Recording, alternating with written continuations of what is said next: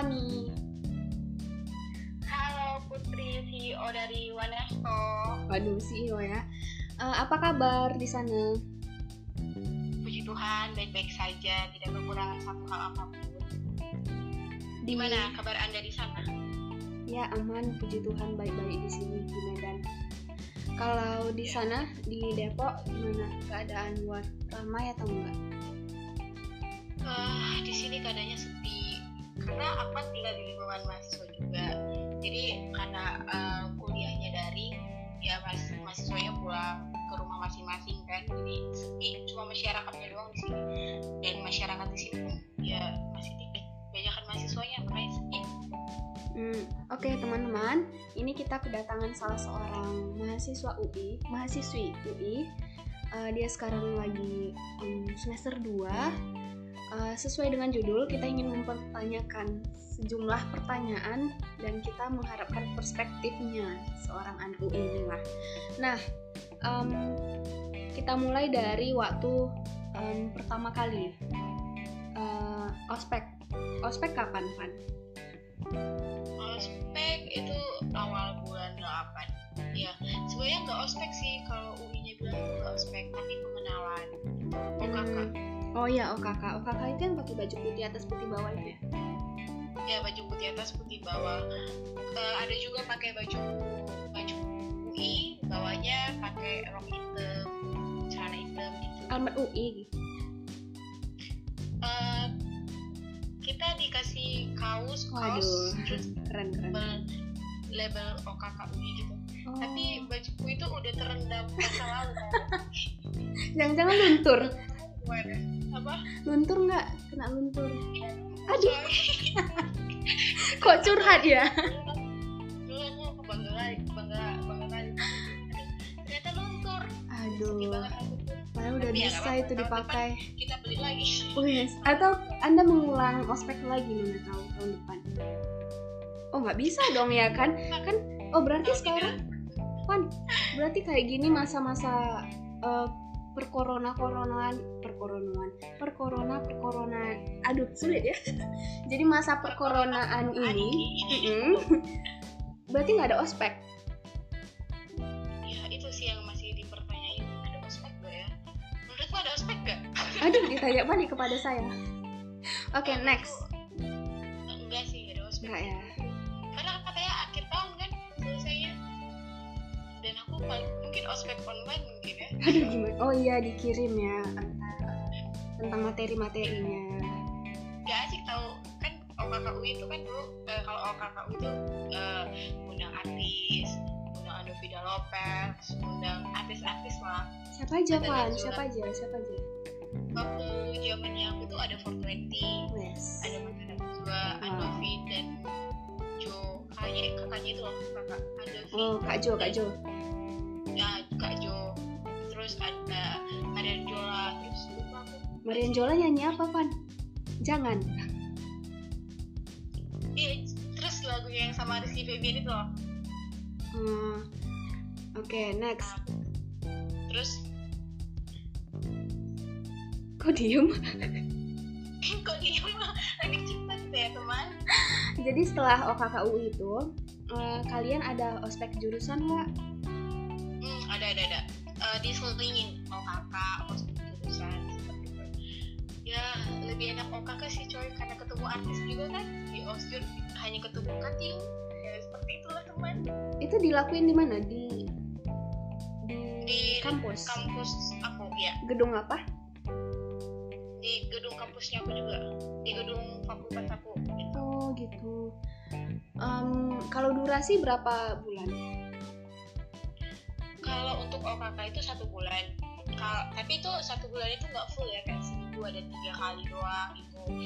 Tapi kalau oscur itu harusnya sebulan. Tapi karena katanya kurang kerjaan dikasihnya dua minggu lagi supaya ya begitulah supaya kayu memakai jamu selama masa perkuliahan dan itu sangat panas pakai jamu ke kantin pakai jamu berat nggak sih ospeknya? berat nggak sih ospeknya? Kalau dibilang berat gak terlalu sih dibandingkan anak-anak teknik ya. Yang hmm. benar-benar dilatih benar-benar kan. Kalau kami sebenarnya lebih yang kayak taat gitu loh. Kalian taat taat taat gitu me- mematuhi aturan nggak terlalu berat sih aku aja aku sering bolos juga waktu Waduh. Dicatat ini wahai kating-kating yang mengenal salah seorang mahasiswi ini. Jangan aku jangan. pakai nama samaran sih Gitu pula ya. Eh, berarti di antara semua jurusan yang paling berat itu teknik. Gitu. Eh, sebenarnya setiap jurusan beratnya masing-masing kan Hmm. kalau di teknik itu ya kayak tiap malam itu loh orang itu ada latihan latihan latihan kayak gitu ya menurutku berat juga sih orang itu terus ya setiap ada sih berat iya lebih berat kayaknya Hmm. lebih yang kayak di militer gitu loh Semi militer ya. iya sekali Eh, lalu kalau misalnya sudah selesai dari OKK, kalian libur lagi atau enggak? Wan? enggak langsung kuliah Awal pertama kali pindah ke sana perasaannya gimana? karena belum pernah ngerasain gimana rasanya ngekos bener-bener kayak rindu rumah gitu loh Homesick ya? kayak hampa gitu Wis, kan hampa. dulu aku di rumah kan ya tetangga rame satu sama lain kayak gitu setelah di sini aduh rindu rumah di rumah makan masakan di rumah gini gini gini gini jadi ya sedikit rindu dengan rumah Eh, di sana yang mahal apa kan? Eh, biaya hidup atau biaya perkuliahan? sebenarnya ini yang mahal itu biaya per- biaya perkuliahan sih Oh, kalian karena dibagi dua ya, reguler sama paralel nggak salah ya. iya regular sama paralel Dan kamu Iya. dapatnya yang paralel. iya sedih sekali saya ya itu ham- kalau aku tergolong murah sih dibanding teman-temanku aku kan nggak pakai biaya pem- pembangunan ada yang pakai Hmm. aku biaya- bayar uang kuliah tunggal terus nggak bayar biaya pembangunan ada anak paralel yang biaya, bayar biaya pembangunan yang kayak hampir 60 gitu loh Itu yang, Wow. aduh, Eh, berarti di sana kalau soal biaya hidup lebih mahal di Medan atau di Depok kan? kalau dibanding Medan sama Depok sama aja sih biaya hidupnya nggak nggak ada nggak ada yang terlalu mahal biasa aja sama aja kayak di Medan makan ayam lima belas ribu lima belas ribu tuh berapa tuh Tergantung 15 sih. ya Kalau ke tempat Kak Butat nggak tahu sih. kalau nggak udah sepuluh ribu Nah itu dia Kak Butat memang dia sangat mengerti isi kantong anak inten. Itu dia Pak. ya Dia mengerti suara hati Kalau suara hati kita ini. betul sekali kalau di sini ya nggak terlalu mahal sih mungkin ya kenapa dibilang biaya hidup di sini mahal? Gara-gara ya UI dekat dekat mall. Jadi Hmm. ini ya tau lah ya. Berarti anda sudah sering nge-mall ini berarti? apa? Sering nge-mall? aku aku kan anaknya introvert. Waduh, introvert memang nggak menghindari keramaian. Iya, jadi ada ada hashtag introvert ramai di Twitter nanti. Sampai dibahas Raditya Dika loh di vlog yang baru. ya begitulah kalau orang-orang kalau terlalu penat banget gitu kan. Jadi ya kalau ya masih bisa dikontrol ya ngapain ke sana? Mending tidur di kosan. Waduh, betul sekali, saya setuju. itu itu hal yang paling nikmat loh tidur. Iya sih, kalau ada masalah atau apa pun, kayaknya lebih baik lari ke tidur daripada mikirin masalah itu sampai berlarut-larut. Atau ke makanan. Kita tidur sambil curhat dalam mimpi mereka itu salah menganggap kita tidur kita sebenarnya tidur sambil curhat dalam mimpi itu Aduh, oke, next. Em, spot paling sering dikunjungin selama jadi mahasiswi UI, mahasiswa UI. Eh, perpus sama dana UI Kenapa? aku kalau aku kalau perpus itu pulang jam jam 8 malam loh sampai aku di dicari-cari temanku pan pan pulang pulang. Katanya kan dari UI angker tuh. Duduk di, danau UI malam-malam udah gak ada gak ada gak ada gak ada gak ada bintang. aja situ karena enak gitu Nggak digigit nyamuk, apa? Nggak digigit nyamuk. Pakai autan ya. pakai apa Prepare. Di prepare. Kan ke gitu loh. Hmm. kayak rame gitu kan jadi pengen sendiri gitu. Jadi ya tunggu pulang tunggu perpustakaan tutup aku pergi ke danau. Oh aku mau nanya Van. Perpustakaan kalian di sana itu setahuku bagus banget kan? Gila sih aku Apanya? enggak aku memang lihat itu.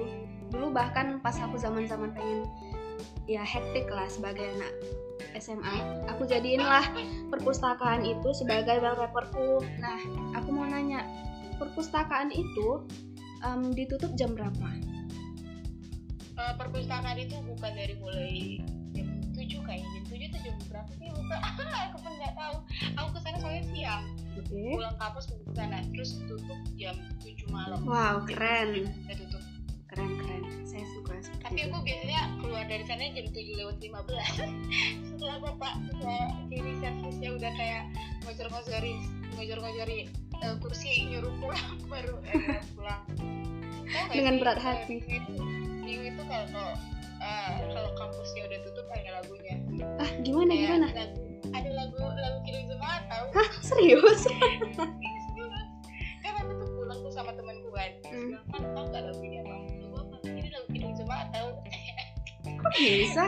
Ya? Apa? Waktu perpus tutup. Berarti tiap hari penutupan itu bakal ada lagu? Iya bakal ada lagu. Kayak lagu Indonesia Indonesia Raya terus lagu lagu banyak sih lagunya lagu pop ada? Salah satu lagu kidung jemaat lagu si roh roh jahat. Ada di sini semua. Oke oke. Em, apalagi yang mau ditanya mengenai perspektif anak ini? Anak ini.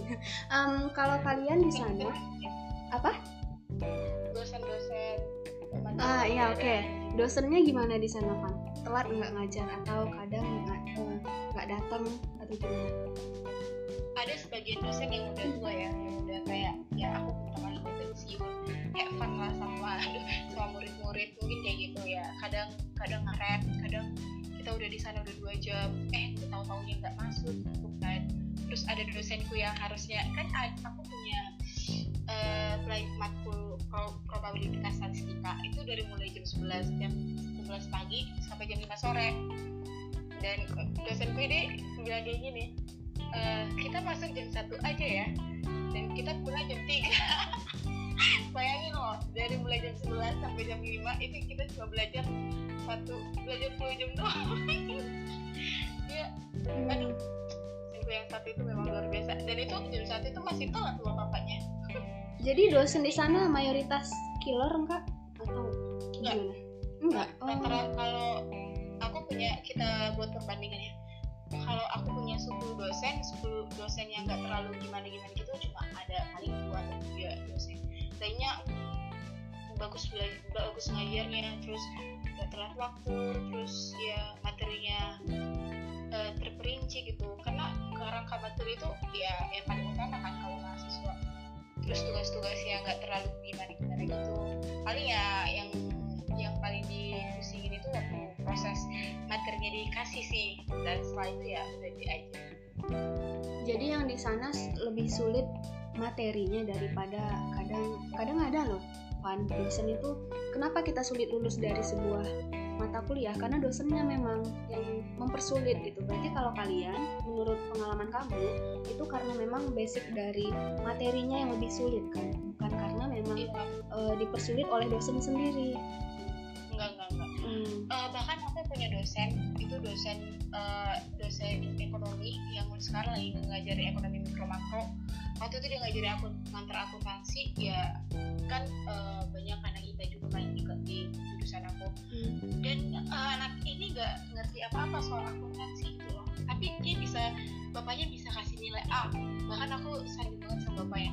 Bapaknya bilang kayak gini "Eh, kamu saya kasih tugas kalau kamu bisa ngerjain tugas ini dengan baik dan benar kamu saya kasih A ah selama selama kuliah dia tuh kayak antara niat gak niat gitu.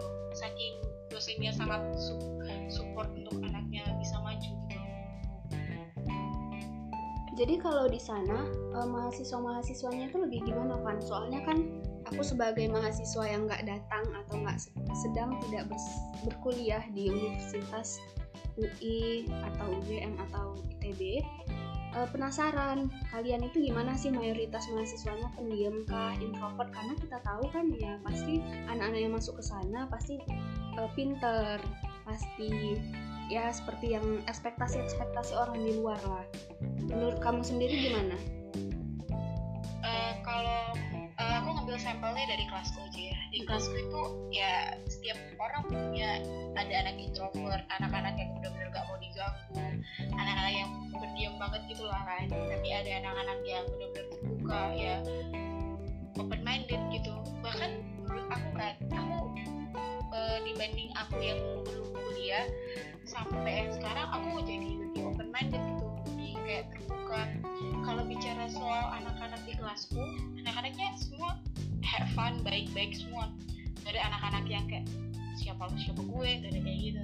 Tapi anak-anak yang baik-baik semua sih rata-rata. Gitu. Hmm, kalau waktu paling padat kapan Pan? waktu paling padat karena aku kan uh, ngambil 24 SKS hmm. ya Rabu dari mulai jam 7 pagi sampai jam 7 jam 7 malam. Wow gile gile gile. Nah, itu benar-benar aduh Rabu aduh Rabu apalagi kan Rabu kan aku punya uh, makro mikro makro yang ya tau lah mikroekonomi makroekonomi? Iya aku belajar hmm. dengan gimana gimana belajar mikro makro ya kita tahu lah kayak gue SKS mikro gue SKS kemudian makro gitu kayak Hah, uh, di situ ada istirahatnya nggak? Istirahatnya ada lah kayak berapa menit? dari aku jam 7 sampai jam 10 jadi teman-temanku ada yang masuk kelas lagi tuh dari mulai jam 10 nya itu sampai jam makan siang jam 12 itu ya dia agama Islam gitu. aku kosong lah di situ. Terus masuk tuh jam satu. Ada teori perencanaan keuangan sampai jam tiga. Jam tiga jam empat. Wow.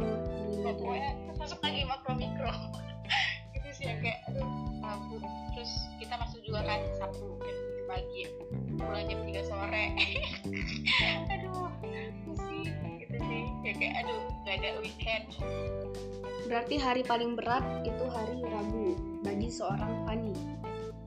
Iya, betul. Sebenarnya tidak ada hari berat sih. Oke, siap. Sangat tangguh Anda ya. Apa? Sangat tangguh. Iya, kita sangat tangguh.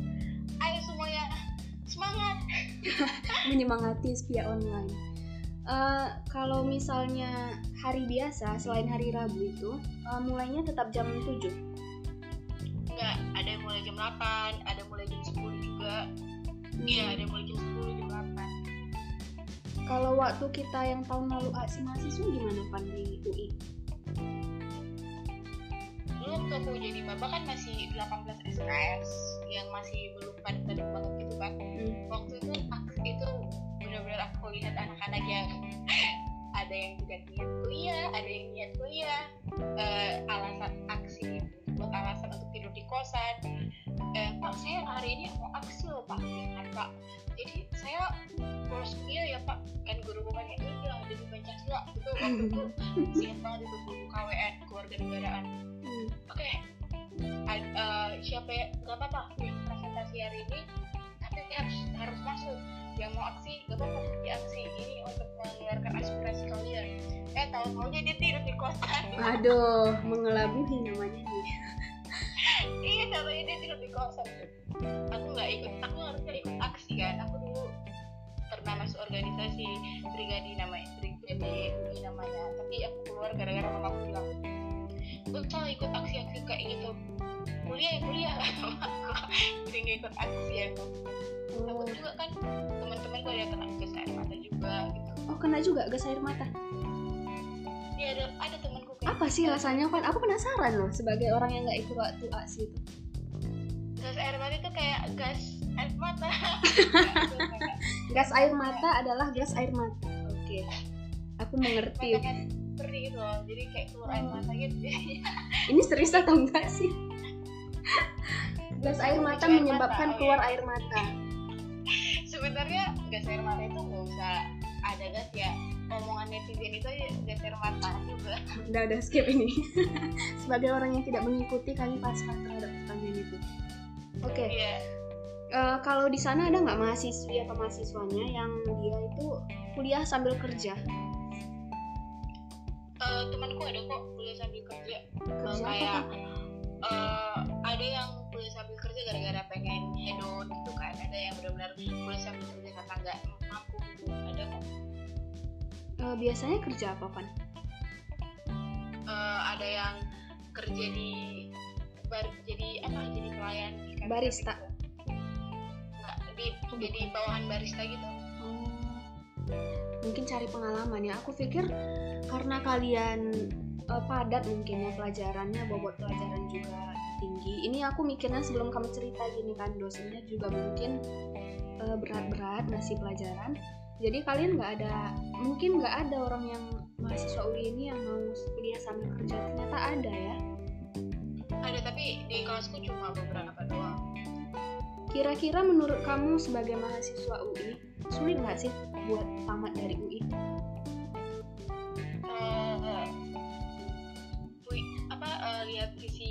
visi kakak tingkatku ya nggak terlalu sih. Karena kayak yang aku bilang tadi ada dosen-dosenku yang benar-benar support untuk cepat cepat cepat wisuda cepat wisuda gitu. Uh, mungkin jurusan lain ada ya kayak anak teknik mungkin susah ya. Anak teknik anak ya anak-anak teknik mungkin lebih susah. Hmm. jadi kalau di sana um, menurut kamu fasilitas atau um, materi atau bobot pelajaran yang diberikan oleh UI pelayanannya semua itu sebanding dengan UKT kamu? Uh, sebanding, sebanding sih. Kalau anak-anak reguler itu sangat sangat sangat sangat sebanding sama tapi kalau untuk aku ya sebanding. Karena ya aku udah aku dapat ini juga kan. Eh, kalau Meet kan ini bayar ya Meet ya. Kalau aku nggak bayar Meet bayar setahu ya nggak sih? Tapi kalau aku nggak aku cuma tinggal masukin akun akun UI ku gratis. Terus ada kayak apa ya katanya? Ada kayak judul penelitian. Kalau ngambil judul penelitian itu harus bayar katanya kalau aku tinggal masukin aku gratis gitu. Terus buku-bukunya lengkap. Ada novel juga di dalam perpus terus bikun spekun ya. Terbanding sih fasilitasnya lengkap lah. Kamu udah ngerasain semua fasilitas itu? Spekun bikun ya spekun bikun terus klinik makara ada sudah mengalami itu puas? Ya lumayan. Kan? Kok aku menanyakan ya di di di kampus sama UI gitu. Temanku cabut gigi ke UI temanku nambah gigi ke UI semuanya ke UI serba UI betul sekali. Kalau pergaulan di sana sebagai anak rantau gimana Van? Sulit nggak sih buat um, enjoy atau buat gabung gitu sama orang-orang yang di sana. Apalagi kita kan Sumatera uh, sulit nggak sih sama orang Jawa? Kalau aku pertama kali kuliah di sini aku langsung dimasukin ke grup Bataknya aku kayak ikatan mahasiswa Batak gitu. Terus ada uh, ikatan mahasiswa Sumut gitu. Jadi nggak terlalu sulit lah untuk berkembang. Tapi kalau untuk uh, karena aku aku jujur namanya udah lumayan udah bergaul ya nggak terlalu sulit sih uh, dapetin teman tapi orang-orang yang kayak nggak menutup diri itu lumayan sulit sih untuk bergaul. Apalagi orang mereka yang terbawa arus gitu. Itu sih kalau or ada anak yang masih terbawa arus itu sangat sulit sih hidup di sini. Karena ya di sini banyak banget option untuk lo mau hidup hidup mewah kan lo mau hidup sederhana ya banyak option gitu. Tinggal cara pikir kamu mau ke mana kalau misalnya di sana tugas-tugasnya itu gimana kan aplikatif nggak? Kayak yang uh, aku tahu itu kan. Salah satu temanku gitu cerita kalau misalnya ada tugas ini harus nyari datanya itu benar-benar ke puskesmas. Kalau kamu gimana? Uh, iya, aku cara ngambil datanya itu aku benar harus eh bukan aku sih semua mas kayak gitu. Harus benar-benar aplikatif juga ya kayak yang bilang kan. Terus kita nggak bisa pakai Wikipedia. Kita nggak bisa pakai kita disarankan tidak memakai Wikipedia terus uh, daftar pustaka itu harus ada dari mana kamu dapat materi ini. Terus kalau bicara tentang mengambil penelitian kemarin aku semester awal itu buat skripsi dan kita harus ngambil ke penelitian itu ke masyarakatnya langsung gitu. Ke uh, ke puskes ke rumah sakit ke BPJS ke sekolah dan ya menurutku untuk sangat mengedepankan fakta-fakta tentang tentang materi yang dia bawakan. Terus kalau aku tuh ada matkul yang benar-benar kita terjun ke masyarakat tanya keluhan masyarakat kayak gitu. Lebih yang kayak terjun ke masyarakat sih menurutku kuliah di sini. Bentar-bentar tadi kan kamu bilang terjun ke masyarakat. Uh, setahu aku kan kamu masih uh, terhitung maba dong kan iya tapi aku udah pernah ngajar anak-anak SD dari untuk matkulku ngajar-ngajar iya ngajar anak SD terus uh, tanya-tanya pedagang-pedagang kaki lima tentang tentang uh, perspektif mereka tentang Indonesia. Seperti itu. Udah pernah sampai segitu ya uh, saya masih maba loh uh, hampir semua matkul nggak itu pakai metode yang sama ngambil data dari masyarakat dari lapangan tapi uh, gara-gara aku banyak hitungan ya nggak terlalu setelah semester dua nggak terlalu dipakai banget lah tapi waktu di semester satu itu rata-rata penelitiannya langsung terjun ke masyarakat. Hmm, langsung penelitian berarti ya? Iya langsung penelitian ya kayak uh, belajar statistika ya uh, masukin data SPSS-nya berapa berapa yang berapa apa berapa surveinya di mana terus sampelnya berapa populasinya berapa sampai kayak gitu lah hmm, kalau setahu kamu ini kan ini setahu kamu aja ya misalnya ada nih uh, teman-teman kamu atau kamu bahkan yang ikutan lomba-lomba um, gitu itu dosen mendampingi nggak? Atau memberikan sebuah apa ya sebuah materi yang mendukung mereka buat menang di lomba itu? Uh, kalau itu lombanya di bawah naungan UI setahu dosen-dosennya apa sih uh, gitu, gitu loh membimbing gitu. Kemarin temanku ada lomba bahasa Inggris gitu kan dikit kok kayak dikasih pengarahan sama dosennya. Hmm. benar-benar gak kayak anak asusnya gitu. Berarti terasa banget lah ya rasanya seorang dosen itu membimbing walaupun dia bukan sebagai kalau biasanya kan kita pakai kata dosen pembimbing itu kan untuk orang yang mau skripsi kan. Ini bahkan orang yeah. yang cuma mau lomba pun tetap dibuat kayak anak asuh kayak kayak kamu bilang. Iya betul. Kayak uh, dosen kan sering masternya share kan ikut ini oh iya? wow. Iya iya dosenku kayak nge-share nge-share ini ada beasiswa ayo ikutan ini ada lomba puisi ikutan gitu. Dosenku baik sih terus kan aku pernah nih uh, terlambat. Oh gak tau sih ini di universitas lain atau berlaku. Aku pernah ter, aku pernah terlambat kasih tugas gitu kan. Aku pikir jam 12 malam.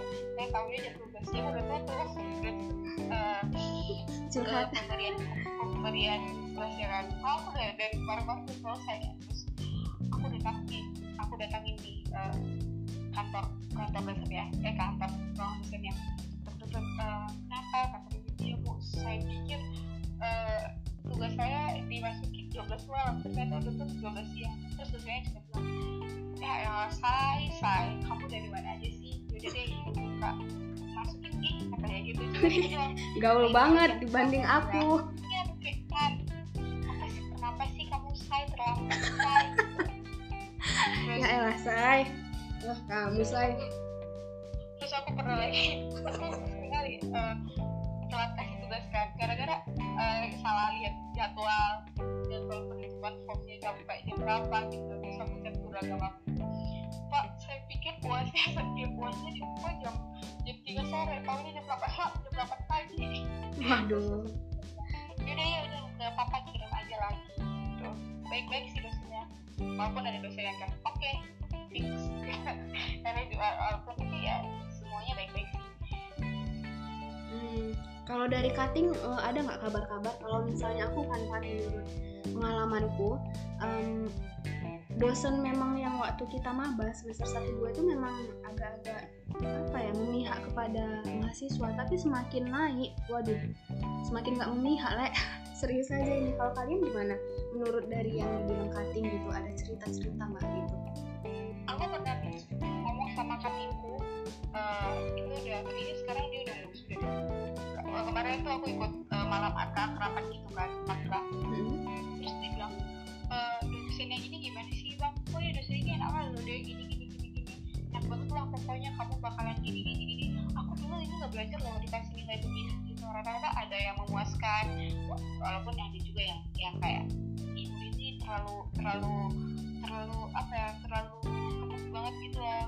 Terlalu strict banget ibu ini gitu. Tapi rata-rata guru-gurunya hebat Kalau mahasiswa yang telat masuk kelas itu gimana pak?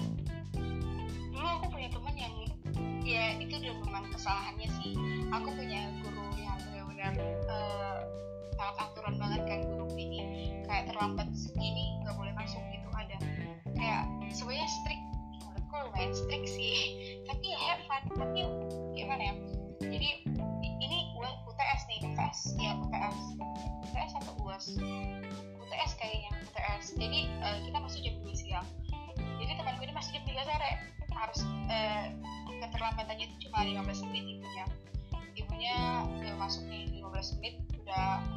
masuk masuk keluar eh ada yang terlambat ya sedikit masuk. 30 menit pertama ada yang terlambat pas kasih masuk. Terus datang teman ini yang terlambat satu jam. Dia bilang kamu gak usah ikut UTS? Katanya gitu tapi nggak tahu sih. Dia sebenarnya ikut UTS atau enggak Gitu sih Kalau karena kita Mm-mm. dari juga. Oh iya ya iya. Eh, kalau misalnya yang tadi kan kita cerita em, aksi mahasiswa kan. Nah, Ya. Berapa menit sih dari Depok ke Jakartanya sendiri? kalau dari Depok ke Jakarta sendiri kalau naik eh, KRL 2 jam eh 2 jam 40 menit lah kalau ke Jakarta Jadi waktu kalian aksi mahasiswa yang eh, soal transportasi gimana? Disediakan oleh fakultas? eh kemarin disediakan sih Kurang tahu ya. aku lupa ya maksudnya aku lupa ada yang naik KRL juga kan naik KRL cuma tiga ribu ke Jakarta Hmm, KRL juga eh, di san UI sering nggak sih eh, ngadain konser? Eh bukan konser, kok UI konser sih? Ngundang-ngundang gitu kayak acara atau apa gitu. Sering. Sering kan? Is, seru kalau kalian berarti terasa kali ya kalau eufori, euforia sebagai mahasiswa.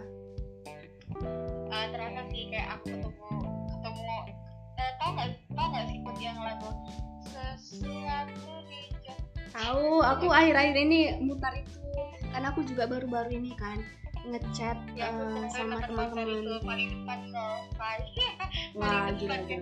oh gitu. Ketemu siapa lagi ya? Ketemu Malik and Essential sering lah ketemu artis lumayan lah. Berarti kalau penat tinggal datang ke sana udah gitu aja ya. Eh kalau ada acara juga ya Iya iya itulah. Hmm, nggak kalau kita yang di Medan ini kan nunggu-nunggu dulu dong. ya Dan- kemarin aku pengen nonton Solo Seven dulu di Medan kan tapi ternyata aku di Intan nggak pernah jadi itu sih aku pengen nonton Solo Seven Kok masih ngefans sama dia? masih lah aduh Wah, ya Tuhan setia. Apa Eh, terakhir, eh, enggak terakhir juga sih. Balariung. Balariung itu gedung yang digunakan saat apa aja sih? apa Balariung. Balairung Balairum. Eh, Balairung tau gak sih Balairung? atau Balariung sih? Balairung ya? iya Balairung Berarti aku yang salah teman-teman. Dengan PD-nya. Oke lanjut. Pertama kali aku masuk itu kan eh, aku diajak diantarin sama abang aku kan diantarin sama abang aku lah. Terus eh, tau gak sih Balairung sama sama style kan aku naik KRL kan waktu itu. Hmm. biar lebih lebih cepat juga kan datang masuknya. Nggak ada macet-macetan gitu. Jadi aku udah turun di stasiun UI sebenarnya ke Balero itu cukup pakai bikun jadi itu cuma beberapa menit doang. Kita pesan gocek gokar loh. Waduh. kita pesan gokar itu itu kan bayangin dong bayangin mas aku pesan gokar ke Balero tau gak sih? Ini lucu banget parah aku kalau ingat ini masih masih ketawa-ketawa. Terus eh, ke Balero nih kan kita udah buat dirinya terus kita diantar ke FE dong. Terus bapaknya "Eh, ini udah sesuai titik mas. Kata gitu semua ah iya mungkin ini balerung balerung FE kan balerung punya orang. Bale balerung kita banget banget sih parah terus aku tuh dulu nggak tahu bilang balerung kan Hmm. Kakak kakak kakak tetanggaku kan anak bilang kak kak kak balik orang di mana aku bilang balerium itu balik orang dan Tahu nggak sih tadi aku bilang apa pan? Balarium, bayangkan. makanya tadi aku "Hah? aku diam sejenak kan kan balerium makanya aku bilang kayak gitu soalnya aku panik aku lebih parah sih kan aku bilangnya orang Pan. Oke, next ya. Em, kalau eh, selama daring ini apa aja sih kendala dari eh, yang kamu rasakan sebagai mahasiswa UI? mungkin eh, efektivitas belajarnya kurang ya kayak eh, harusnya belajar ya belajarnya tatap muka ya nggak dapat feelnya kayak bilang yang aku bilang tadi kalau kita belajar makro mikro harus lebih enak belajar kurva di depan di depan dosen yang kan lebih ngerti kita cuma dikasih materi doang ya nggak mungkin ya kurang efisien kan belajar itu Hmm. apalagi belajar MQ MQ harus ketemu langsung sama dosennya dan belajar obligasi itu inve- investasi dan kurang eh, kurang klop sih untuk belajar dengan apalagi belajar yang benar-benar banyak hitungan banyak rumus gitu. Terus eh, kalau aku sendiri kendalanya ya itu doang. Kalau mungkin teman-teman kita yang nggak punya wifi ya itu sih paket datanya yang benar-benar ah kurang sekali teman apalagi kan Google Meet terus Google Teams butuh kuota yang cukup tinggi kan karena ada video call. Kalau Gitu subsidi gimana? Nggak ada dari UI? dari UI nya sendiri nggak ada sih yang dikasih dikasih sebuah subsidi buat eh, kasih kuota gratis untuk mahasiswa yang ada ya mungkin itu sebagai persoalan anak-anak anak-anak daerah yang nggak dapat eh, subsidi dari kampusnya Baik. kalau kalian eh, subsidi nggak USU sendiri ada, tapi aku nggak tahu tahu dari kirim atau enggak, karena aku nggak ngecek kan. berapa berapa itu kok Eh, nggak gitu, tapi dibilang gini uang kuota atau uang pulsa saat itu 50.000 per, man- per manusia, per mahasiswa. Tapi dibatasi mahasiswa yang reguler, anak mandiri nggak dapat. hmm, make sense sih anak-anak mandiri kan anak anak-anak yang lumayan lah ya Aduh, jangan nanti yang mendengar ini emosi pan. Karena pasti ada juga yang curhat kan, dia bilang, Kayak, "Hah? eh, kalau dipenuhi semua mahasiswa ya syukur lah universitas apalagi kami coy kami kan banyak tuh ribuan kan muridnya kami Sebenarnya kalau kita lihat dari sudut pandang mahasiswa eh, eh, universitas mungkin memang iya. Tapi kalau dari Tapi mahasiswa kalau sendiri, mahasiswa beda lagi ya iya. Nah, ada temanku juga bilang kan, masa ini dibedakan seolah beda kasta. Nah, aku juga nggak bisa ngomong apa-apa kan. Dia curhat ya udahlah didengerin apalagi. Oh, yang punya kendali bukan aku. ya betul juga sih kayak eh, nggak semua mahasiswa bisa merasa baik-baik aja ketika uang jajannya dihabisin untuk kuota ya kan? Iya. apalagi nggak nggak ada pemasukan dari orang tua per bulan dan negara anak kuliah daring kan? Kasihan juga. Ya, semoga lah. apalagi itu sangat kurang Mm-mm, semoga lah corona ini semakin semakin eh, lebih cepat untuk berakhir. Amin oke teman-teman sampai sini untuk pengenalan atau perspektif dari seorang mahasiswa UI ini Eh, episode selanjutnya bakal ada sesi apa ya sesi pengenalan lebih lanjut mengenai diri seorang Fani buat yang tahu mengenai buat yang pengen tahu perjuangan seorang Fani untuk menempuh UI ini boleh kunjungi atau dengarkan episode selanjutnya.